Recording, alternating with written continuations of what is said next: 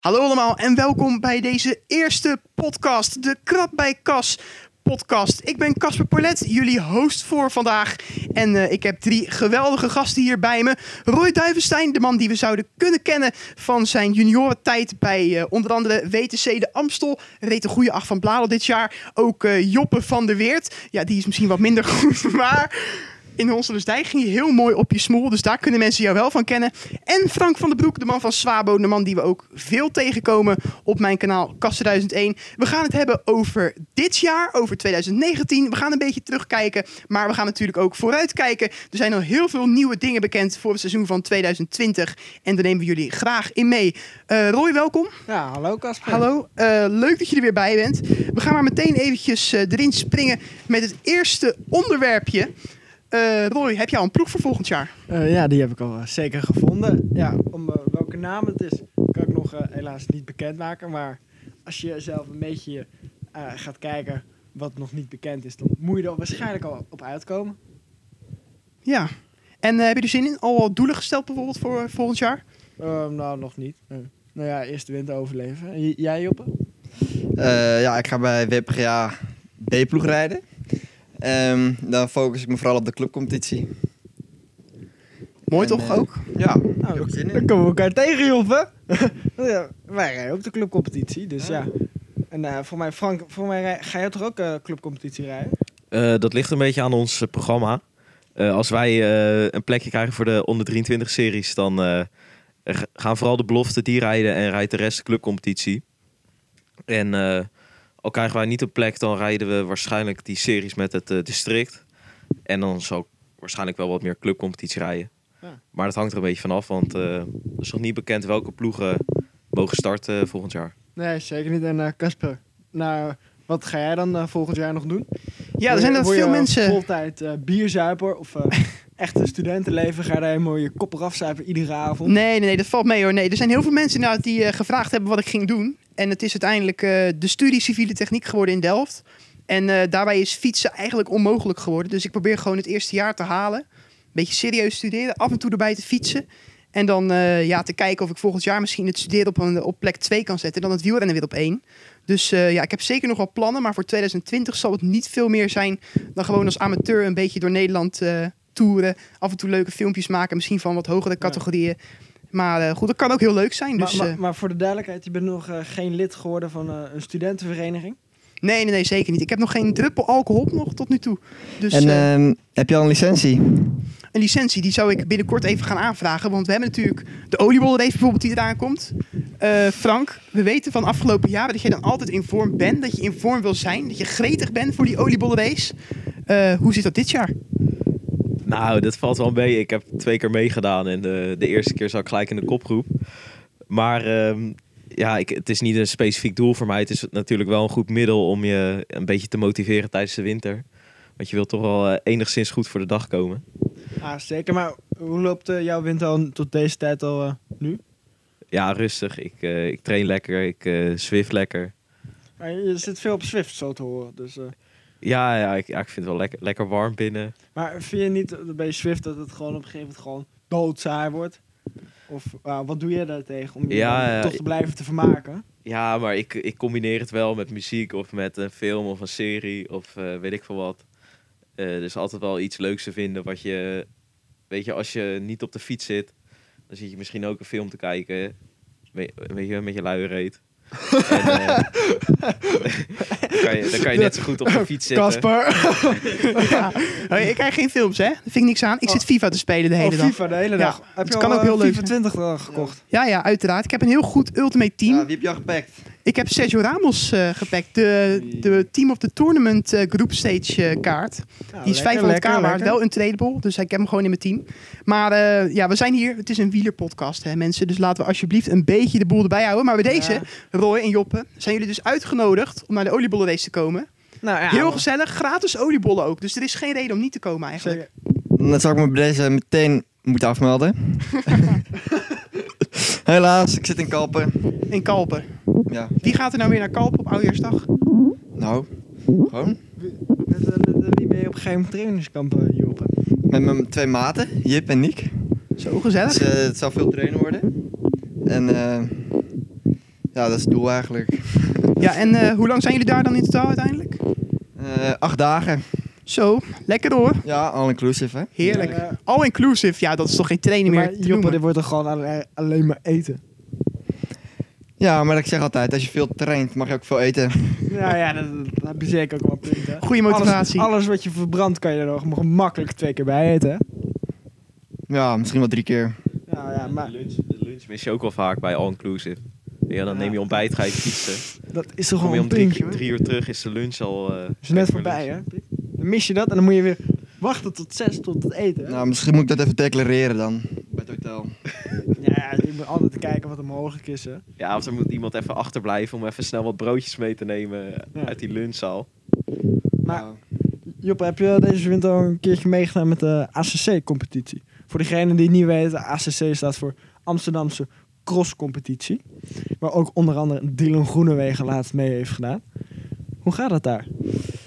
Eh, ja, niet heel goed eigenlijk. Laten we het maar kort houden. Eh, niet goed. Niet voor niks de B-ploeg, hè, waar die voor rijdt natuurlijk. Ja, ja nou, zullen we het bijhouden? Hoe vaak ben je op je bek gegaan? Ehm, redelijk vaak. Ja, ook al wat derrieurtjes gesneuveld of spaken? Nee, helemaal niet. Nee? Ik zo vaak op mijn mel dat ik niks breek. Echt? Oh, dat is goed. goed. Ja, Ja, ik hoorde... Een litteken erbij hier. Oh, dat klinkt niet eh, al te best. Maar ik hoorde wel dat eh, de enige echte Wessel Maurits meedeed. En eh, ook eh Niek Voogd. Zeer goed staan in het klassement. Ja, ik kijk niet meer naar het klassement, dat is te pijnlijk. Nee? Maar ga je nog van het weekend meedoen? Of, Nee, ik ben er klaar mee. Oké. Maar, jij? nou ja, Wanneer is jouw ACC-debuut? ja, ik zit er wel aan te denken. Alleen, er is nog één uitdaging. Ik moet een keer een eh, mooi veld op de fietsje. Maatje 58 even op de kop tikken. Mocht je er eentje hebben. Je mag die van mij overkopen. Heb je een maatje 58 liggen? Ja, ik ben er wel klaar mee. Ja? Ja, nou, nou, dan kom ik wel even eh, langs morgen. Er ligt vast wel ergens een fiets hier die, die je ervoor kan ruilen. Maar ja, het, leek- het is me altijd nog wel een, eh, ja, een doel geweest om een keer een veldrit te rijden. Maar nooit geval gekomen. Ik heb vroeger altijd eh, best wel op een hoog niveau eh gemountainbiked. En ik, eh, redelijke techniek vind ik zelf, hè. Ja, ja. Dus ja, maar ja, voor mijn ouders eh, mocht ik nooit veld rijden. Maar Roy, eh, voor de mensen hier die nog nooit geweest zijn. Zo'n gigantisch huis met zoveel fietsen. We zijn hier trouwens in Honselensdijk, dames en heren. Bij Roy thuis dus. Bij Botanic ook onder andere. Bedankt in ieder geval voor die plek. Maar Roy, hoe kan Ja, het nou dat je dan geen veldfiets mag? Nee, ja, eh, het zat altijd zo vroeger. Ik deed altijd aan, eh aan eh, schaatsen in de winter. En dan op een gegeven moment in de winter werd het een beetje koud. En ik vond het eigenlijk maar niks die kou. Dus half meer van de training zat ik altijd lekker in de kleedkamer. Of op de wc. Omdat ik het altijd maar koud had op die kutbaan. Dus ja, getraind werd er nooit. Dus ja, mijn ouders zeiden, ja, dan moet je veldrijden. Dat is ook koud buiten, joh. Dan vind je helemaal niks. En dan moeten we weer die fietsen schoonmaken. En ja, voor je ouders is het natuurlijk ook al heel intensief werk. Want eh, ja, je moet al gauw twee fietsen hebben. En dan moet iemand- moet, er- moet er weer in de auto van je moet er weer in de pit staan. En dan eh, moet hij weer schoonspuiten. En mijn ouders hebben er helemaal geen zin in. Dus ja, Nee, precies. Maar jij bent dus iemand die echt goed presteert met warm weer. Want bijvoorbeeld in Bladel, derde in de tweede etappe. nou dat was ook toen het gigantisch heet was.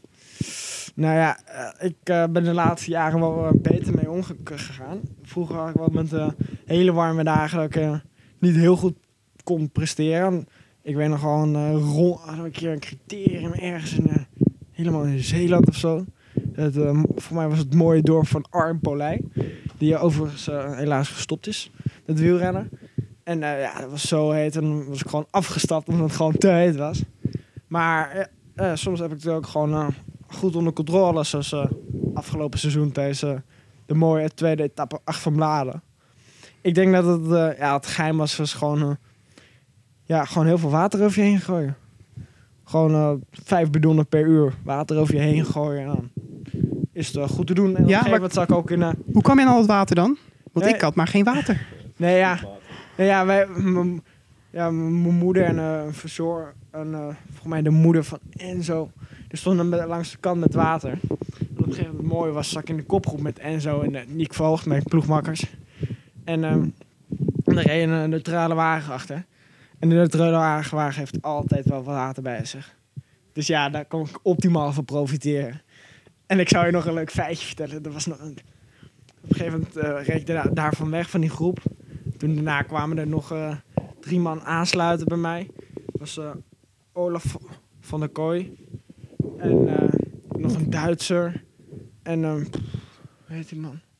Finn Fischer misschien? Nee, nee, hij is van de jonge renner. Had het eindklassement gewonnen. Lars Homan dan? Ja, Lars Homer kon ook aansluiten. En die Duitser die zat er helemaal doorheen. En die was helemaal uitgedroogd. En je zag het aan alle kanten. En hij vroeg zo aan mij, ja, heb je nog water voor me? Nou, ja, ik wist gewoon dat je water kon halen bij de neutrale wagen die achter me reed. En ik zei, nee, ik heb geen water, ik heb geen water. Dus ja, die jongen was helemaal verkrampt, ja. Toen heb ik hem mooi geflikt, toen ben ik mooi derde en hij vierde. Oei, oei. Oké, we zijn weer terug na een korte onderbreking. We hadden wat technische fouten. Eh, hopelijk is het eh, nu opgelost. Nou ja, dat is eh, niet van belang, die technische fouten. We zijn nu natuurlijk bijna in 2020 en dan kunnen we dat gewoon mooi uit fatsoenlijk knippen.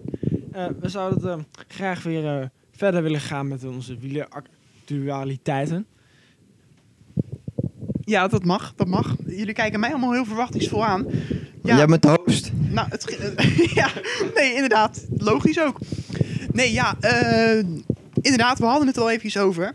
2020, het komt eraan. Er zijn natuurlijk heel veel transfers geweest. Eh, Jumbo-Visma heeft een nieuw academy-team opgericht. Heel veel mensen die wij kennen daar, die eh, rijden er ook rond. En eh, ja, wat verwachten jullie eigenlijk van die teams? Ik vind... Ehm. eh, ja, ga, ga jij maar eerst. Nou, ik weet niet wat ik moet verwachten, want het is een team vol eerstejaars. Na een paar tweedejaars. Misschien een derdejaars, dat weet ik niet. En klopt het ook dat eh, Jumbo-Visma er ook heel veel werk voor doet om meer mensen aan het fietsen te krijgen? Dat jij ook hebt geholpen bij een van die evenementen of zo? Eh, ja, dat klopt. Ja, ja, via WC de Amstel werd ik gevraagd om te helpen bij zo'n evenement. En dat houdt eigenlijk in dat ze ja, scholen afgaan en dan laten ze een, een segmentje rijden op Zwift. En als ze dat dan binnen een bepaalde tijd, ze, ja, iedereen moet doorgeven welke tijd ze dat segmentje hebben gereden. Daar ja, start, hebben ze een soort onderzoekje naar gedaan. Ja, ja. Maar dan, eh, dan rijden ze dus op zo'n eh, zo'n tax eh, fietsen. Zeker. Ja, ja, zeker. Is een mooi ding. En dan, dan moeten ze ook allemaal op de weegschaal van tevoren. Nee, dat was het mooie. Nee, eh, ja, dat is... ehm, ja, sommige me- mensen zaten er... Dan dacht ik echt van, ja, je bent sowieso geen 50 kilo, maar... Ga maar door. Maar ja, weet je wat ik mooi vind? Dat ze gewoon bijvoorbeeld, eh, ja, ze stimuleren weer kinderen gewoon vanaf, echt gewoon van het begin af aan, gewoon op school om gewoon te gaan fietsen. Wat eh, hartstikke goed is. Ik denk ook gewoon dat de meeste renners van, van nu, van onze leeftijd een beetje, eigenlijk eh, allemaal wel zijn begonnen met de dikke bandenrace. Gewoon de dikke bandenrace, de rondjes om de kerk. Heb jij eh, ooit de dikke bandenrace van Honselersdijk gewonnen? Of, eh, Nou ja, ik heb bij de dikke wandelrace een mooie reputatie van de eeuwige tweede. Ik stond altijd op het podium, maar ik werd altijd tweede. Ik heb er één keer eentje gewonnen. Dat was de ronde van Naaldwijk. Toen kwam ik overigens terug van een vakantie. Had ik één keer gefietst, misschien eh 20 kilometer. Toen had ik gelijk gewonnen. Netjes. eh, zo te horen pakte jij die dikke bandenrace wel professioneel aan. Je reist meteen het hele land door om eh, je eerste overwinning te pakken. Nou ja, ik, eh, nou serieus, serieus. eh, ik had natuurlijk wel even net weer wat dunnere bandjes dan de rest. En eh, ja, ik heb ook nog meegedaan met het eh 1K dikke wandelreizen. Wat, eh, wat, eh, Zo, daar heeft hoog Lucoy niveau ook aan meegedaan, hè? Maar ja, het is eh, gewoon leuk om te beginnen. Bijvoorbeeld een eh, leuk voorbeeld. Een eh, renner zoals eh, bijvoorbeeld die laatst goed heeft gereden, Lennart Hofstede. Die is ook gewoon begonnen met de dikke bandenrace. En ik denk dat dat wel een goede stimulans is om kinderen aan, aan het wielrennen te krijgen. Ja, sowieso naar buiten te krijgen, denk ik. Want iedereen zit natuurlijk achter zijn Playstation. Ja. Ik hou zelf ook van een potje FIFA, maar die mensen die doen nog helemaal niks meer. En dan komt natuurlijk nooit van fietsen terecht. Nee, ja, dat, dat is zeker ook. En ik denk ook dat het zorgt weer voor dat eh, bij de KMU weer het eh, aantal leden weer gaat stijgen. Dus dat is misschien wel nu iedereen wel een beetje de tijd van het jaar is om de nieuwe licentie aan te vragen. Heeft iedereen wel eh, een eh diep in zijn portemonnee moeten tasten om toch weer lid te worden van eh, de KMU. Ja, die prijzen zijn ongekend hoog, of niet? Zijn jullie het daarmee eens? Daar Kan ik niet ontkennen. Nou, die- Maar het erge is, eh, fok ik Owen had het een beetje mee, die moet drie dubbele betalen. ja, maar die, die krijgt dat van zijn ploeg zeker. ja, denk het wel, ja. ja, ja, ja. ja. Die, mag, die mag niks klaren. Maar jullie eh, junioren zijn natuurlijk niks gewend eh, Nou wat dat betreft. Want moest, wat betalen jullie jongens? Even een kort eh Voor overzicht. mij eh 210 of zo. Ja, 210. En ik denk, al ben je nog een buitenlandse renner, dan betaal je bijna 300 euro of zo. Maar op zich, er worden wegen voor jullie afgezet. Er worden koersen georganiseerd. Mensen zijn een hele dag kwijt. Het is toch niet heel gek dat je dan 200 euro Ja, maar betaalt ik weet nou niet precies waar die 200 euro nou naartoe gaat. naar de KMU. Ja, maar ja, eh, voor mij krijg je niet, als je een uh, koers wil organiseren, geld van de KMU. Voor mij moet je er nog zelfs bijna geld bij leggen. Prijzengeld gaat er sowieso natuurlijk aan, eh, aan op. Want jullie Ja. verdienen dat toch alweer terug met prijzengeld? Of eh, hoe zit dat? dan? Nou ja, ik denk het eh, wel, maar Joppe, dat eh, betwijfel ik wel eens. Aangezien ook je de besloten ook niet zo miljonair wordt gauw. Dus eh, ja, wat is het Joppe? Nee, dat, besloten word je helemaal geen miljonair. Dat is eh, te triest voor woorden. Maar eh, ja, dan moet je derde worden en dan heb je misschien je 4 euro inschrijfgeld weer terugverdiend. Maar, ja, maar eh, voor, voor sloot heb je ook geen belofte eh, licentie nodig. Dan Nee, kan je ook nee, met, klopt, eh, met een basislicentie ik weet volgens ook niet mij. hoe die het bruggetje legt, hè, maar... ehm, Ja, dat is dan weer de schuld van Roy. Hè? ja, dat is je de schuld van Roy, dit. maar goed, dus als de KMU luistert, lagere licentieprijzen.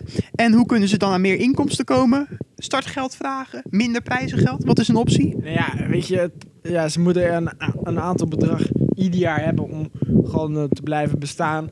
Weet je, als je aantal leden daalt, dan kan je twee dingen doen.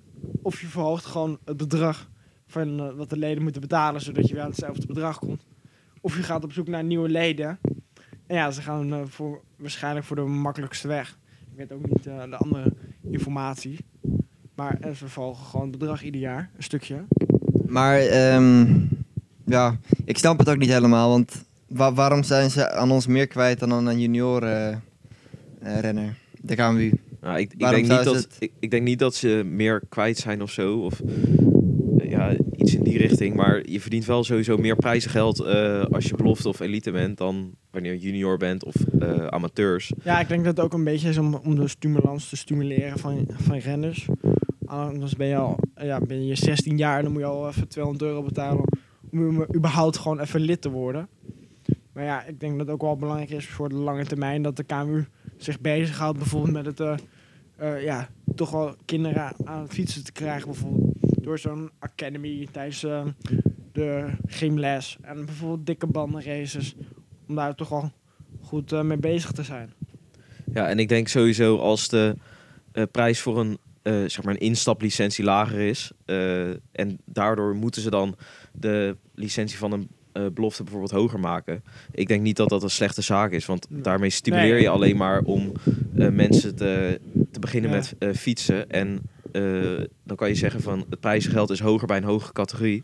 Ja. Dus daardoor stimuleer mensen ook eh, om een hogere categorie Ja. te gaan fietsen. En niet dat je, dat je krijgt dat, dat mensen in de, in de amateurcategorie blijven hangen. Terwijl ze ja, prima bij de elites mee kunnen doen. Ja, ik denk ook wel dat het is. Soms zijn mensen die zijn alleen basislid. En die zouden in principe wel de stap kunnen maken naar amateur. Maar dan is de licentie weer net hoog. Dus ja, ik zou gewoon ja, de licenties, een beetje die, die verdeling toch wel een beetje wat anders laten verlopen. Ja, Jo, pakt de Eh. microfoon over, maar die zegt vervolgens niks. we, zitten, we zitten met z'n drieën te kijken. Dat is misschien leuk om even te vertellen. We, we zitten een beetje met een ghetto eh, setup eh, hier die podcast op te nemen. Dus ik hoop dat het, dat het enigszins goed klinkt. Maar we Ja. werken dus met, met twee eh, USB-microfoontjes die de, die de hele tijd worden overgegeven. door- ja tussen shout-out shout naar mijn zusje voor de, voor de kara- karaoke microfoons.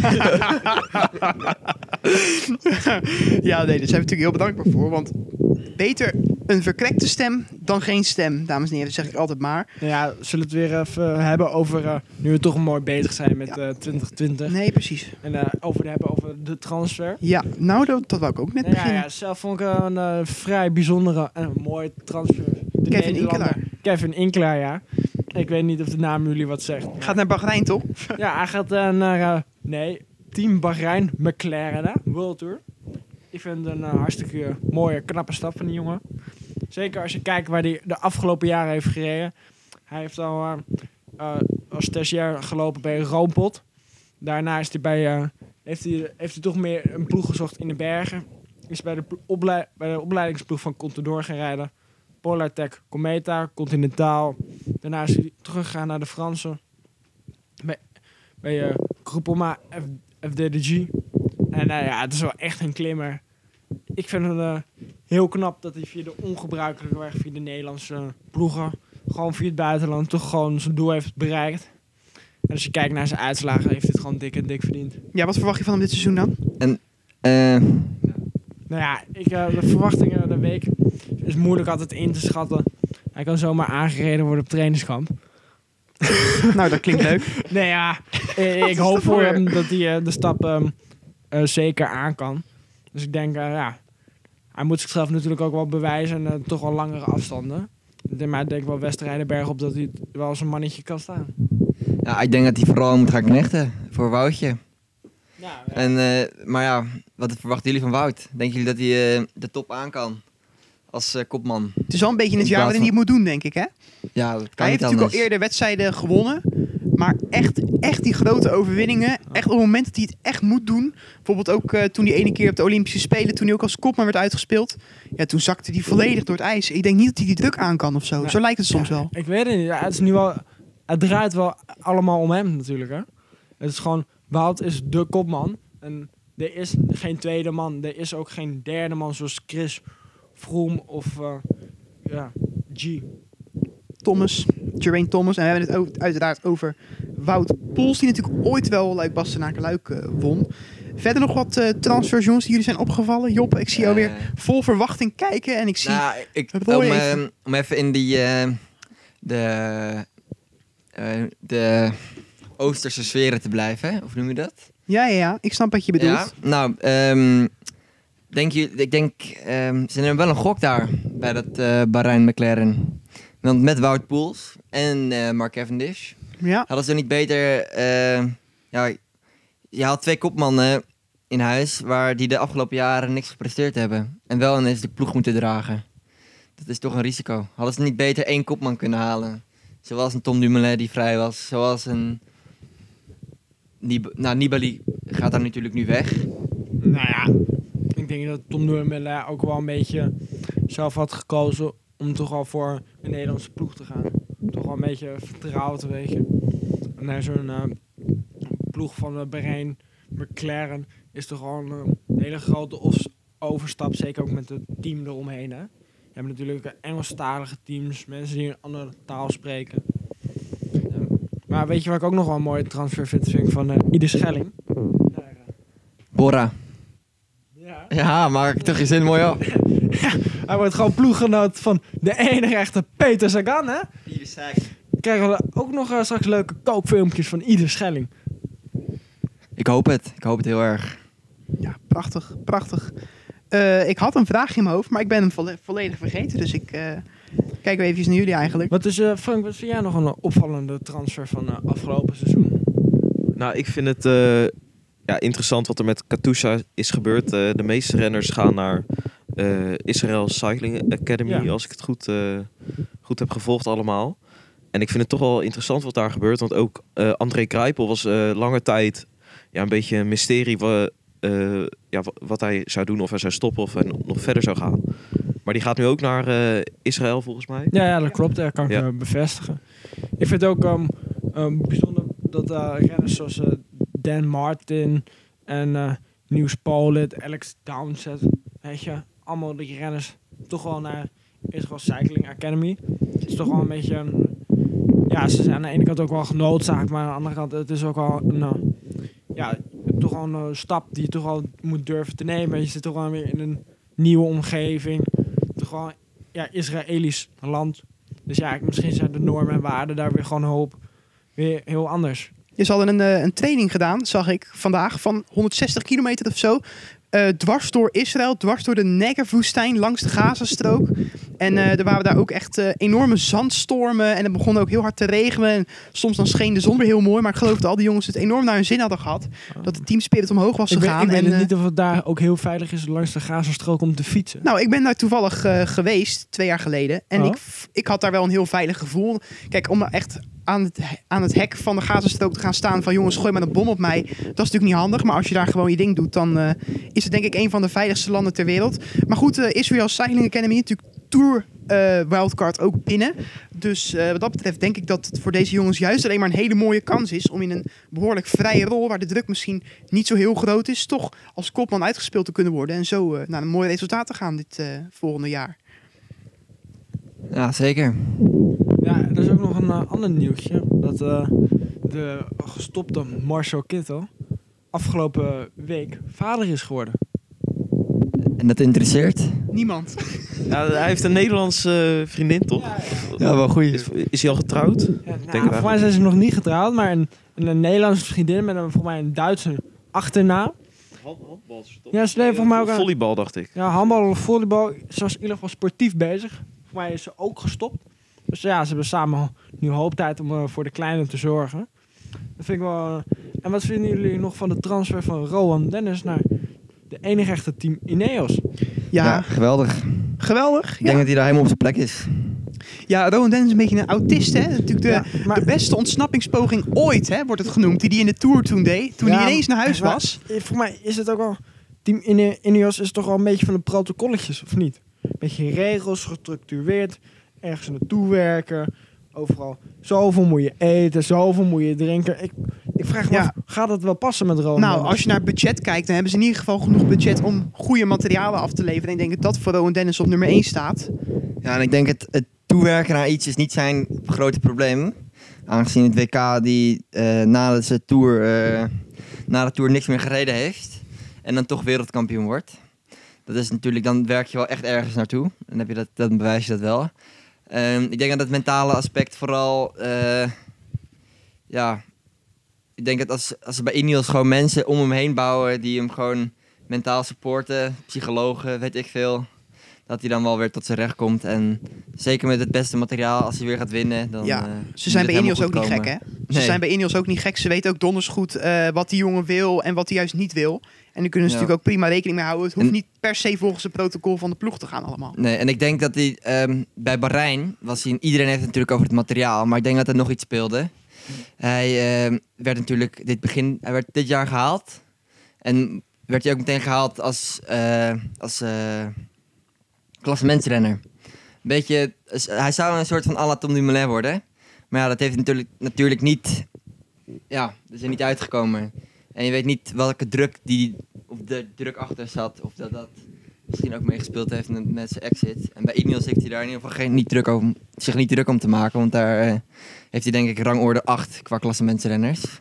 Ja. Dus eh, ja.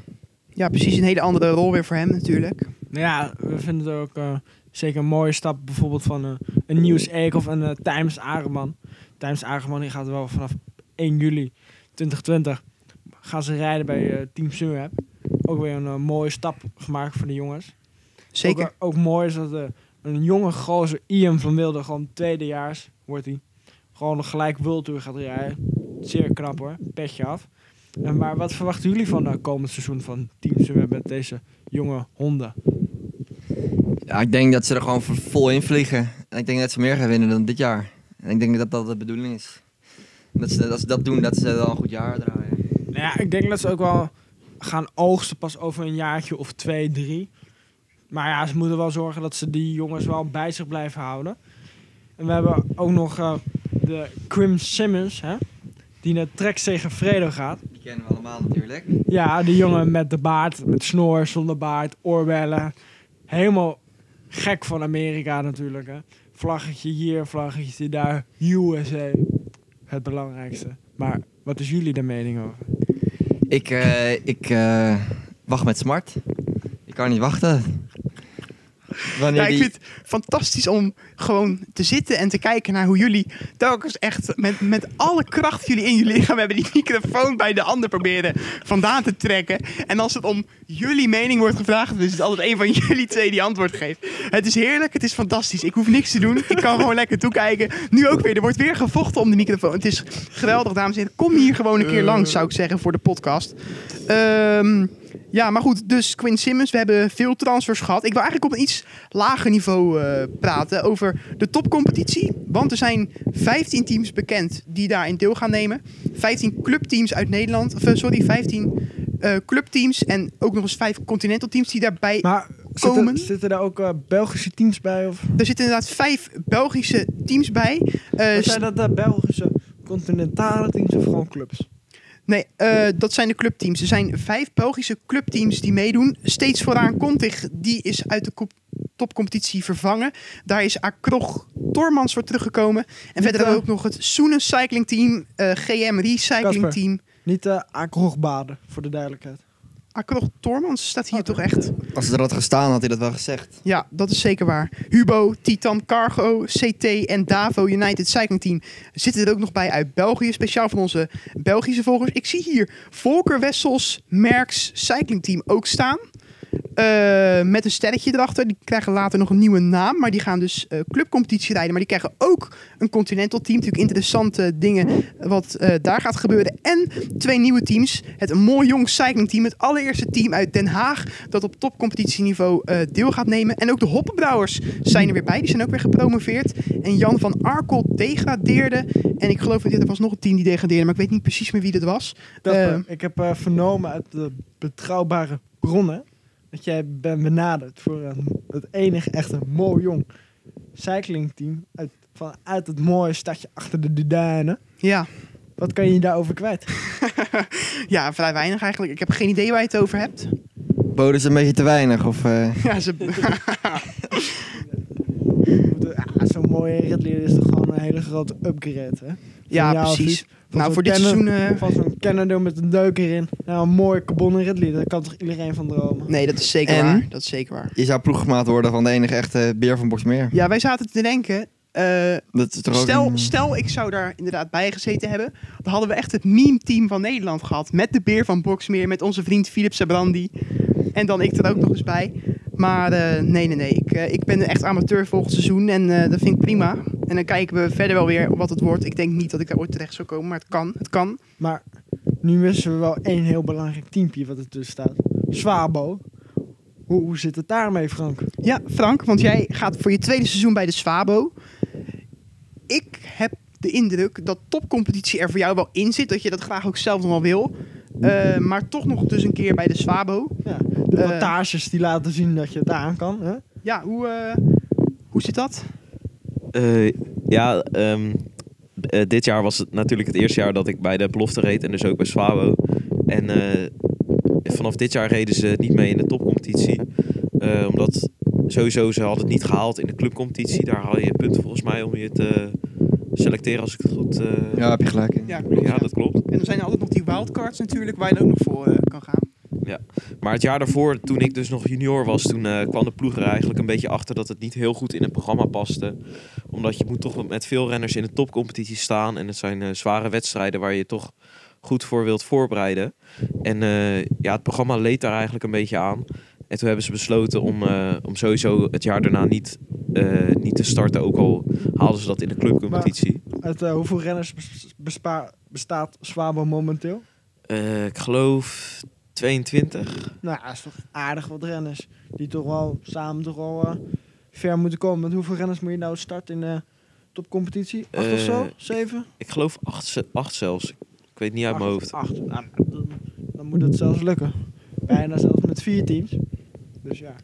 Maar, Frank, eh, er zijn natuurlijk dan wel weer andere wedstrijden die daarvoor in de plaats kunnen komen. Ik hoorde al wat over de Under 23 Road Series. Programma even erbij gepakt. Er zitten echt wel wat mooie wedstrijden tussen. Vorig jaar reed natuurlijk al onder andere de GP Albert Fauville Bolet in België. En ook de GP Collercoat eh Bassins. En de hel van Voerendaal. Ehm, dat waren voor jou denk ik wel een van de hoogtepunten van het jaar. Gewoon qua beleving, qua niveau, qua alles eigenlijk, toch? Eh, ja, zeker. Eh, ja, de eerste koers die ik reed was de GP Color Code Bassagne in eh, eh, Limburg was het volgens mij. eh, of in ieder geval, nou, of het Franstalige gedeelte, ik weet niet precies eh, uit mijn hoofd. België in ieder geval. In ieder geval in België. Ehm, en eh, ja, ik ging, ging er eigenlijk heel eh, open die wedstrijd in. Eh, want ik was de jongste van de... We reden met een districtploeg trouwens. Dus ook met mooi jonge eh, renners. heel gezellig. Ehm, maar eh, ja, ik had zoiets van... joh, ik, eh, ik ga zoveel mogelijk mijn best doen... om eh, te zorgen dat jullie eh, zo fris mogelijk de finale inkomen. Maar ja, het begon eigenlijk vrij, vrij snel... er werd vrij snel gereden in die koers. En ehm, ja, eigenlijk reed ik gewoon telkens mee. En op het gegeven moment was ik nog de enige renner van ons team die in de, in de koers was. En op het gegeven moment kwam ik in de, in de Gruppetto terecht. En toen, volgens mij was ik 39 of zo. Maar er waren weinig man gefinished daar. En eh, ja, ik praat te lang door, dus ik geef de microfoon weer door. Nee, je praat helemaal niet te, la- te lang door. Maar het lijstje, het ligt voor ons. Eh, ik zie daar toch koersen bij, Frank. Dat zijn toch koersen van je dromen. Omloop het nieuwsblad, zie ik hier staan. Ronde van Twente, heb je natuurlijk hele goede ervaringen mee met je sleutelbeenbreuk. Ehm, ja, als je er eentje zou mogen kiezen, welke zou je dan rijden? Eh, ik denk toch omloop het nieuwsblad. Die heeft uh, Timer snel gereden. En die, die zei dat het wel echt heel vet was over die, eh, die beklimmingen die je altijd op tv ziet. Om die zelf een keer eh, te kunnen rijden. Ja, precies. En eh, Roy? En eh, Joppe onder andere ook. Ja, jullie mogen weer vechten om de microfoon. Ehm, die Under 20 Road Series was natuurlijk eh, voor het eerst dit jaar. Ja, dat klopt. Is dat een beetje bevallen? Zou jullie er zelf ook aan mee willen doen bijvoorbeeld volgend jaar? Nou ja, eh, lijkt mij wel een leuke competitie om zeker deel uit te nemen. Ik heb nog niet eh, de wedstrijden voor 2020 gezien. Ik denk, ja, als er zeker nog wel een beetje wat wedstrijden zitten die een beetje bergop lopen, is het wel leuk om mee te doen. Casper rijdt nu Ja, ik heb op. het lijstje voor iedereen. Voerendag zien. gaat bergop, de GB Albert Nou ja, Baudet gaat bergop. We hebben de Omloop het Nieuwsblad. We hebben de Co Bassins, die gaat bergop. Heel veel Voerendag had ik volgens mij al genoemd. Dus er is genoeg wat bergop gaat. nou ja, mijn interesse heb je. Ik eh, weet niet hoe, hoe dat zit met Joppe. Of eh, Joppe met eh WPG B-team ook meedoet aan de competitie. Maar dat kan hij zelf natuurlijk ook vertellen. WPGA Eh, nee. Dan rij je nog liever bij de sportklasse.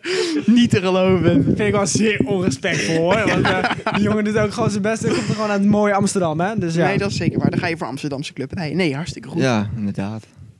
ja, en ik ga hetzelfde als eh, Roy rijden, dus ja. In principe heb ik niks te klagen. Nee, precies. Gaan we dan samen in de aanval, Joppe? Of eh, zie ik je daarna de finish pas? Bij de douches. Nou, dat hebben we dit jaar ook geprobeerd, samen met de aanval, maar dat ging niet... eh, Nou ja, we proberen En bij die douches hebben ze ook samen geprobeerd, maar dat was ook niet helemaal goed bevallen. dus We probeerden het onderlangs in de, in de ronde van Honsersdijk. Maar eh, hoe ging dat, Joppe? nou, toen ging ik in de aanval, maar jij was nergens te bekennen, hè? Samen Nee, met Wessel eh, Maurits. toen ik bij jou in het wiel zat, Joppe, ik dacht, ik moet zijn wiel pakken, want dan ga ik winnen. En toen lag je ineens op de grond. Ja, ik denk ik laat jou mooi winnen. Ja, maar dat ja, was je hebt het mooi niet kunnen afmaken, hè? Dat is wel jammer. Sowieso weer veel valpartijen dit seizoen natuurlijk. Heb jij er nog leuke herinneringen aan, Frank? Eh, ik ben maar één keer gevallen dit seizoen. Maar ja, als jij valt, dan breek je wat.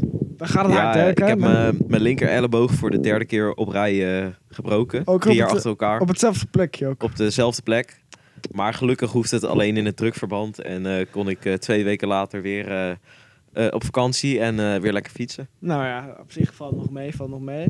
Ja, ik eh, ben nog eh, zelf, voor mij even denken, waar ben ik gevallen? Ik ben eh, gevallen tijdens de... Voor de meisjes die ook gevallen, maar die wilden niet. Een hele slechte grap. Ik ben al vijf keer gevallen op het asfalt dan eh, weliswaar. Volgens mij was het vijf keer. Ook sowieso één keer op de club. Toen lag er modder in een bocht. op, op een stukje waar ik altijd afsneed. Dat had ik even niet door. Oh, En eh. Ach van Bladel, eerste etappe. Ja, Flevo Tour. Van Rode klassieker was ik gevallen. Maar dan heb je volgens mij de hele etappe tussen de auto's gereden. Want ik heb 105 kilometer lang was dat toen. Ja, maar ja, ja, dat krijgen we wel. Saai dat het was. Het leek wel Zwiften. Zo leek het wel. Gaan we nog over het NK hebben, wat daar is gebeurd? Ja, Het nee. NK met de geweldige pionnetjes. Het maar- NK. Ik ben volgens mij gevallen tijdens eh, de ronde van... Ja, hoe heet het? eh, Be- Be-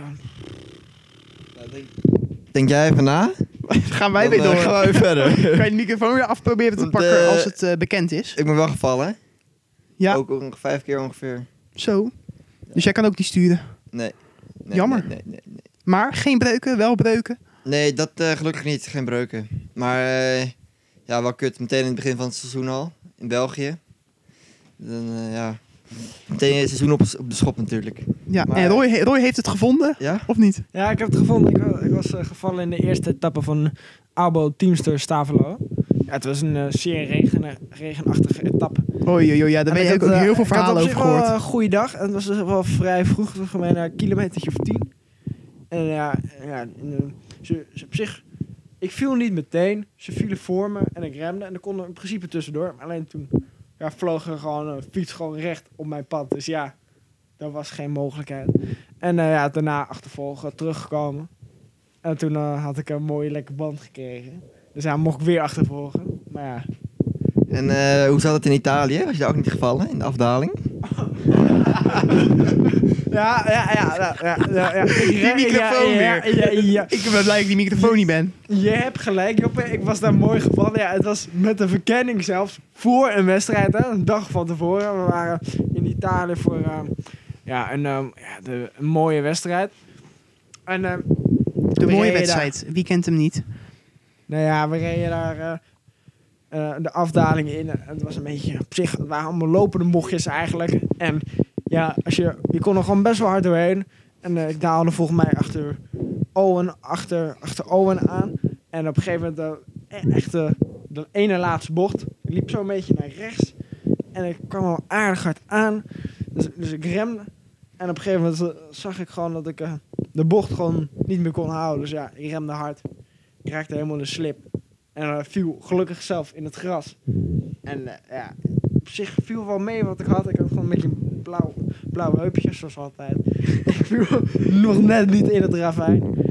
Maar was er dan ook eh, de reden dat je dan zo hard remmen? Was het dan ook omdat er iemand deed dat zei: knijp maar in de remmen, knijp maar in de remmen? Of Nee, nee, nee, dat nee, niet? dat niet. Knapper in de nemmer, knapper in de nemmer. Kom op, kom op, kom op. Je. Nee, nee, nee, dat niet.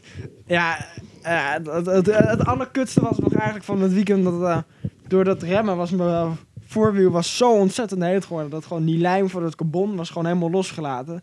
Dus ik had, eh, ik had even een mooi eh, rovelwieltje even naar de tyfus geholpen.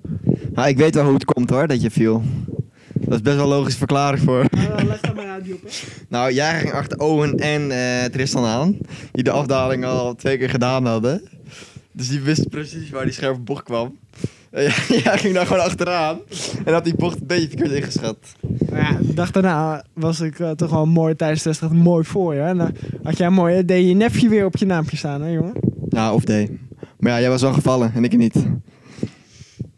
Maar daarvoor moet ik nog een eh, shout-out doen aan de enige echte Joost Maurits voor het lenen van zijn voorwiel. Want anders had ik natuurlijk nooit mee kunnen doen aan de wedstrijd daar. Nee, precies, precies. Een van de vele hoogtepunten in het seizoen. Dingen die we nooit meer gaan vergeten. Missen we daar nog wat? Iemand die heel graag iets kwijt wil over iets moois of iets verschrikkelijks of iets wat hem bijstaat Denemarken. van dit seizoen? Denemarken? Ja, dat was wel, daar ga ik me wel, altijd blijft het wel bij me. Ja, dat is een verschrikkelijke moment. Ja. Ja, ja. Ik weet niet Nou ja. of we het er wel over hebben. Maar... Nou ja, ja, ja, ja, ik heb natuurlijk zelf wel, eh, eh, ja, wel echt een eh, moeilijk moment ja, echt gewoon zelf wel gezien. We reden daar de derde etappe. Nee, de tweede etappe toch? De tijdrit zeker. Ja. De de, de, tijd, de tijdritten. De derde etappe is dat daar. Want je begint in een ochtendetappe, dan een avondetappe, en dan de tijdrit. Avondetappe en dan nog een eh, klassieker. En ik uh, reed met tijdrit. En eh, voor degenen die het weten, je start altijd met een afdaling. Daarna ga je een klim omhoog. Ben je bijna boven. heb je nog zo'n klein lipje soort van. Daar was een eh, jongen eh verongelukt. En eh, ja, die lag er gewoon eh, levenloos op de weg. Terwijl ik nog mijn tijdrit reed. En ik heb hem ben gepasseerd en heb hem ook zien liggen. Een van de, ja, wel, toch wel van de moeilijkste dingen uit mijn nu geheten wielerloopbaan. Ja, en ik zal het nooit meer vergeten. De, de wedstrijd die ging wel gewoon door nog. Ja. En we wisten niet, eh, ja, eigenlijk, ja, dat was gebeurd. We wisten dat het heel ernstig was, maar wat er nou precies aan de hand was, wisten wij ook niet. En ik denk de laatste, bij de prijsuitreiking was het, dat ineens, eh, ja, alles als, je moet daar als junior heel lang wachten, want al die eh, ja, andere categorieën komen voor natuurlijk. En die man zegt, eh, ja, op het moment dat wij moeten beginnen, komt er iemand het podium op En die begint te, huilen en die zegt dat die jongen overleden is. En dan, door- ja, dan merk je wel hoe, hoe... Ja, dat raakt je wel natuurlijk. Ja, gewoon hoe kwetsbaar je bent als wielrenner eigenlijk. Het was uh, overigens trouwens gebeurd. Die jongen, ja, dat bocht liep ook een beetje naar links. Dus die jongen pakte gewoon de binnenkant van de weg. Wat iedereen wel doet met de tijdrit. Want ja, je wil gewoon de kortste weg. En zo snel mogelijk rijden. En er tegenovergesteld kwam er een auto aan. En het was zo'n klein lipje. Dus ze zagen elkaar niet komen. En hij is gewoon frontaal op de voorkant van die auto geklapt. En echt overal lagen spullen. Zijn wielen waren helemaal naar de kloten. Zijn fiets, zijn helm. En je zag hem daar gewoon heel levenloos, een bloedblij gezicht. Ik wist gewoon eigenlijk vanaf moment één dat het gewoon niet goed zat met hem. Was er wel iemand bij op dat moment? Of, eh? Maar ja, er waren wel juryleden, want je had ook een eh, segmentje voor de bergdraai wie de snelste tijd omhoog reed. En eh, ja, dus hij werd wel gelijk goed geholpen. Alleen, ik vond wel dat het wel redelijk lang, lang duurde voordat er eh, eerste hulp bij was, zoals een ambulance. Want ja, onze tijdritten gingen nog wel door. Alleen voor mij de tijdrittennaams van de junioren dames en jeugd werden allemaal afgelast. Ja, ja, klopt, ja, klopt. Maar die ging de dag daarna wel weer door, geloof ik, toch? Of, Ja, eh, ja, de dag daarna en de middag zelfs daarna Zo. werd alles wel weer, ja, ging alles alweer verder. En werd er alweer gestart. Eh, ja, Ja, dat zijn dingen die helaas veel te veel gebeuren in de wielersport. ja, Ja, ja, zeker. Ja, je kan het eh, langer maken dan het is, maar het is gewoon zo. nee, het is verschrikkelijk. Als we het nu weer even een beetje positief gaan formuleren. Nou, mooie dingen. Wat vonden jullie nou van de overwinning van Mathieu van der Poel van, eh, in de Amstel Gold Race? Ja, doe eens even iets anders. Is Want Frank, een dat was natuurlijk een weer... historisch moment. Dat was natuurlijk ook jouw hoogtepunt, Frank. Nou, eh, hoe bedoel je hoogtepunt? Nou, het mooiste wielermoment voor jou dit jaar op de televisie? Amsterdam. Op televisie? Ja, ik denk wel Amsterdam Gold Race. Ik wist nog... ehm, ik zat op de wc toen.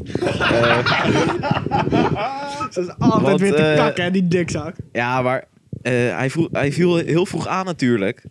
En eh, op een gegeven moment dacht ik van... Jongens, ik, ik kan het echt niet meer houden. En toen ben ik op de wc gaan zitten. Had ik gewoon mijn telefoon aangezet met de, met de app van de, van de tv. Maar die loopt ongeveer een half minuut achter. Dus ik zit gewoon eh, die finish te kijken. Hartstikke spannend. En op een gegeven moment krijg ik allemaal WhatsApp binnen. Ja! Ja! Terwijl alle verliep nog op kop reed. En ik dacht, waarom, waarom zijn ze nou zo blij? Ja, en toen kwam Van der Poel erover. Sorry daarvoor. Maar eh, en eh, je hebt dus de hele finale op de wc gekeken. na de laatste, wat zal het zijn, vijf kilometer. Ja, nee, ja, het was eh, heroïs natuurlijk. Speciaal. Hij had denk ik wel verloren positie nog winnen. En hoe je ziet hoe... ja, je ziet gewoon... Kwiatkowski staat gewoon bij wijze van sterke helemaal stil. En die Schachman en iedereen die die eh voorbij ziet. Ja, het is gewoon eh, echt gewoon abnormaal wat hij er gewoon doet. Hij laat zien in zo'n finale. En dan de meeste renners die vallen dan aan. En dan daarna is het ook gewoon klaar en worden ze gewoon gelost. Maar ja, wat hij dan gewoon doet in die finale is gewoon eh, heel knap, vind ik. Maar ja, ondertussen gaat Casper natuurlijk helemaal stuk. Want ja, Casper is natuurlijk zelf nog nooit zo dicht bij een finale geweest. Nee, nee, nee.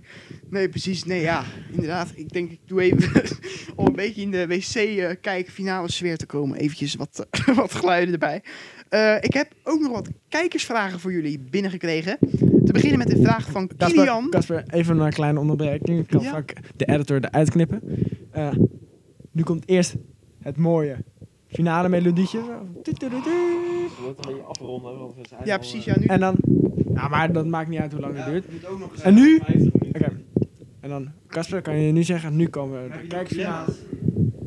Casper, Casper, begin maar met je kijken. We gaan gewoon beginnen met de kijkers. Oké.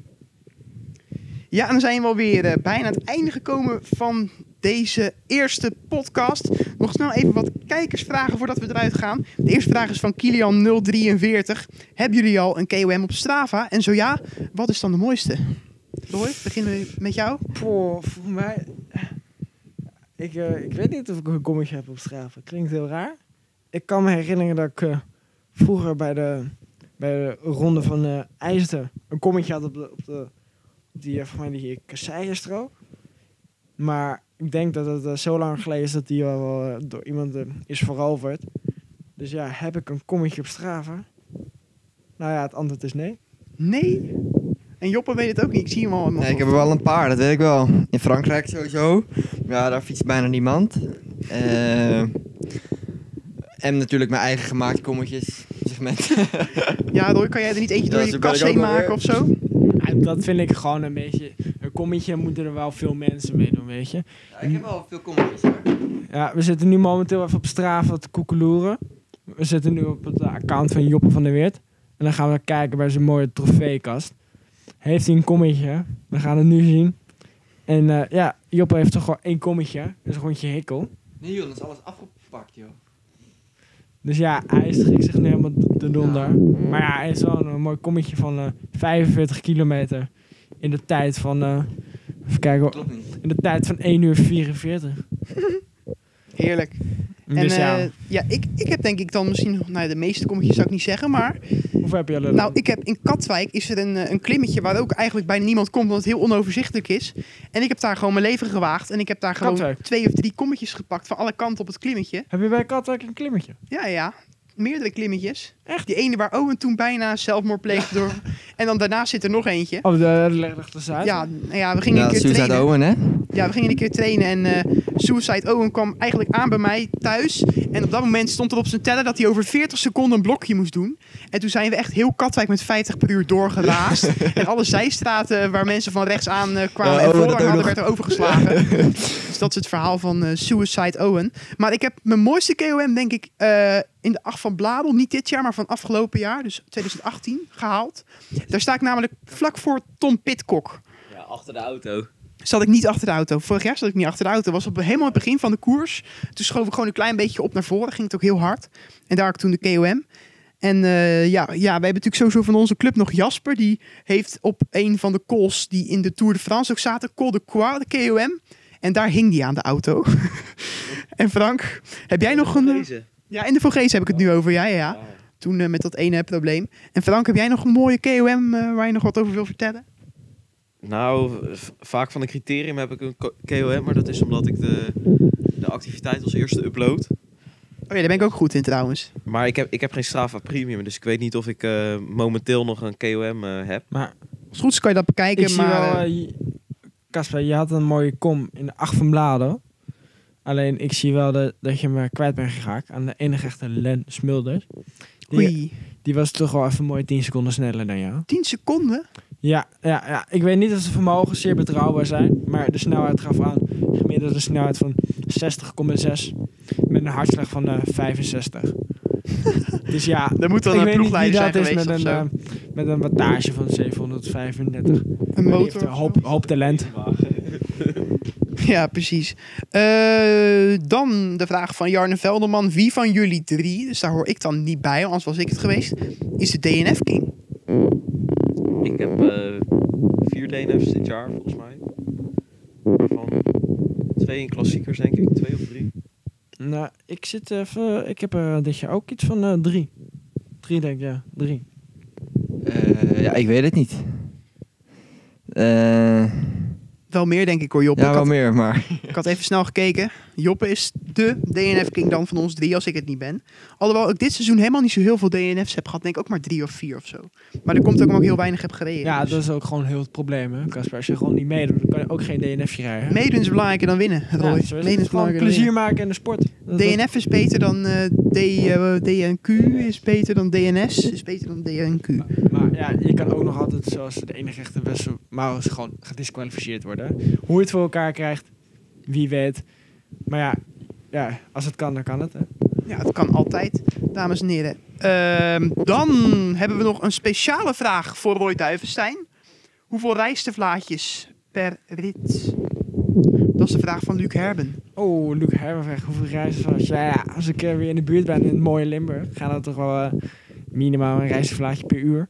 Dus ja, als ik daar ben, dan train ik toch wel een uurtje, graag, graag een uurtje of vijf. Want ja, het is een mooie omgeving, lekker klimmen, perfect. En dan eh, lekker de Ardennen in en dan genieten. Dus ja, Vijf rijstevlaatjes is ja het vijf, antwoord. vijf, vijf. Ja, als ik, eh, ja, ik ga, kom weer graag weer langs. Ja, en dan om deze eh, eerste podcast af te sluiten, alweer de laatste vraag. Die is van Mike Sjoeg. Wat is jullie favoriete koers? Dat kan dus in één woord. Ik zeg acht van Bladel. Frank? Die ik zelf gereden heb. eh, Ja, nou gewoon iets. Noem Ja, gewoon iets. Waar wil je nog aan meedoen? Of wat is je doel nog? Nou, laten we zeggen, omloop het nieuwsblad. Omloop het nieuwsblad. En dan de under 23? En dan, of, eh? eh, dan de, de oude finale van de Ronde van Vlaanderen. Ja, ja. En Joppe, dan rest jij nog samen met Roy natuurlijk. Eh Parijs-Roubaix. Maar niet om te rijden, hè? gewoon favoriete koers om te kijken. Maar, maar, maar, maar is niet de Tour toch wel een keer leuk wat voor jou om mee te doen? Een toertocht? Of de tour? De Tour toch van Parijs-Roubaix, dat bestaat. Ja, ja, ja. Maar of, of vind je dat maar niks, al die kutkasseien? Nee, dat is mijn ding, joh. Kasseien. Die kasseien. Ik ben een kasseienvreter, hè? Nou ja, wat ben je anders dan? Klimmer is het ook niet meer. en veld en crosser is het ook niet meer. Ja, en mijn favoriete koers... Ja, ehm, ik weet het niet. Ik heb nou nog niet echt een eh, favoriete koers. Het eh, lijkt me wel zeer leuk om uh, komend seizoen omloop Valkenswaard te rijden. Zeker met al die gravelstroken. Vind ik wel een leuke uitdaging. En ja, ik weet niet. Als je een wedstrijd gewoon goed rijdt, is hij gauw wel favoriet. Dus ja. En daarnaast vond ik uh, Bladen ook wel een, eh, een leuke wedstrijd. Zeker omdat het eh, ja, vlakke koers, maar nooit eigenlijk uitrijden op een sprint. Dus ja, veel mogelijkheden voor aanvallers. Veel draaien keren, wel lachen. Oké, dat was hem denk ik. Roy, bedankt. Joppe bedankt. Frank bedankt. Botanic bedankt uit Honsersdijk voor deze prachtige locatie, voor deze eerste podcast. Wil je nou nog ons bereiken, dan kan dat op Instagram. Mijn Instagram is kas20 lagenstreepje 01. Kan je altijd nog eventjes een suggestie achterlaten bijvoorbeeld voor een nieuwe podcast. En dan zien we jullie graag zo snel mogelijk. Tot de volgende keer.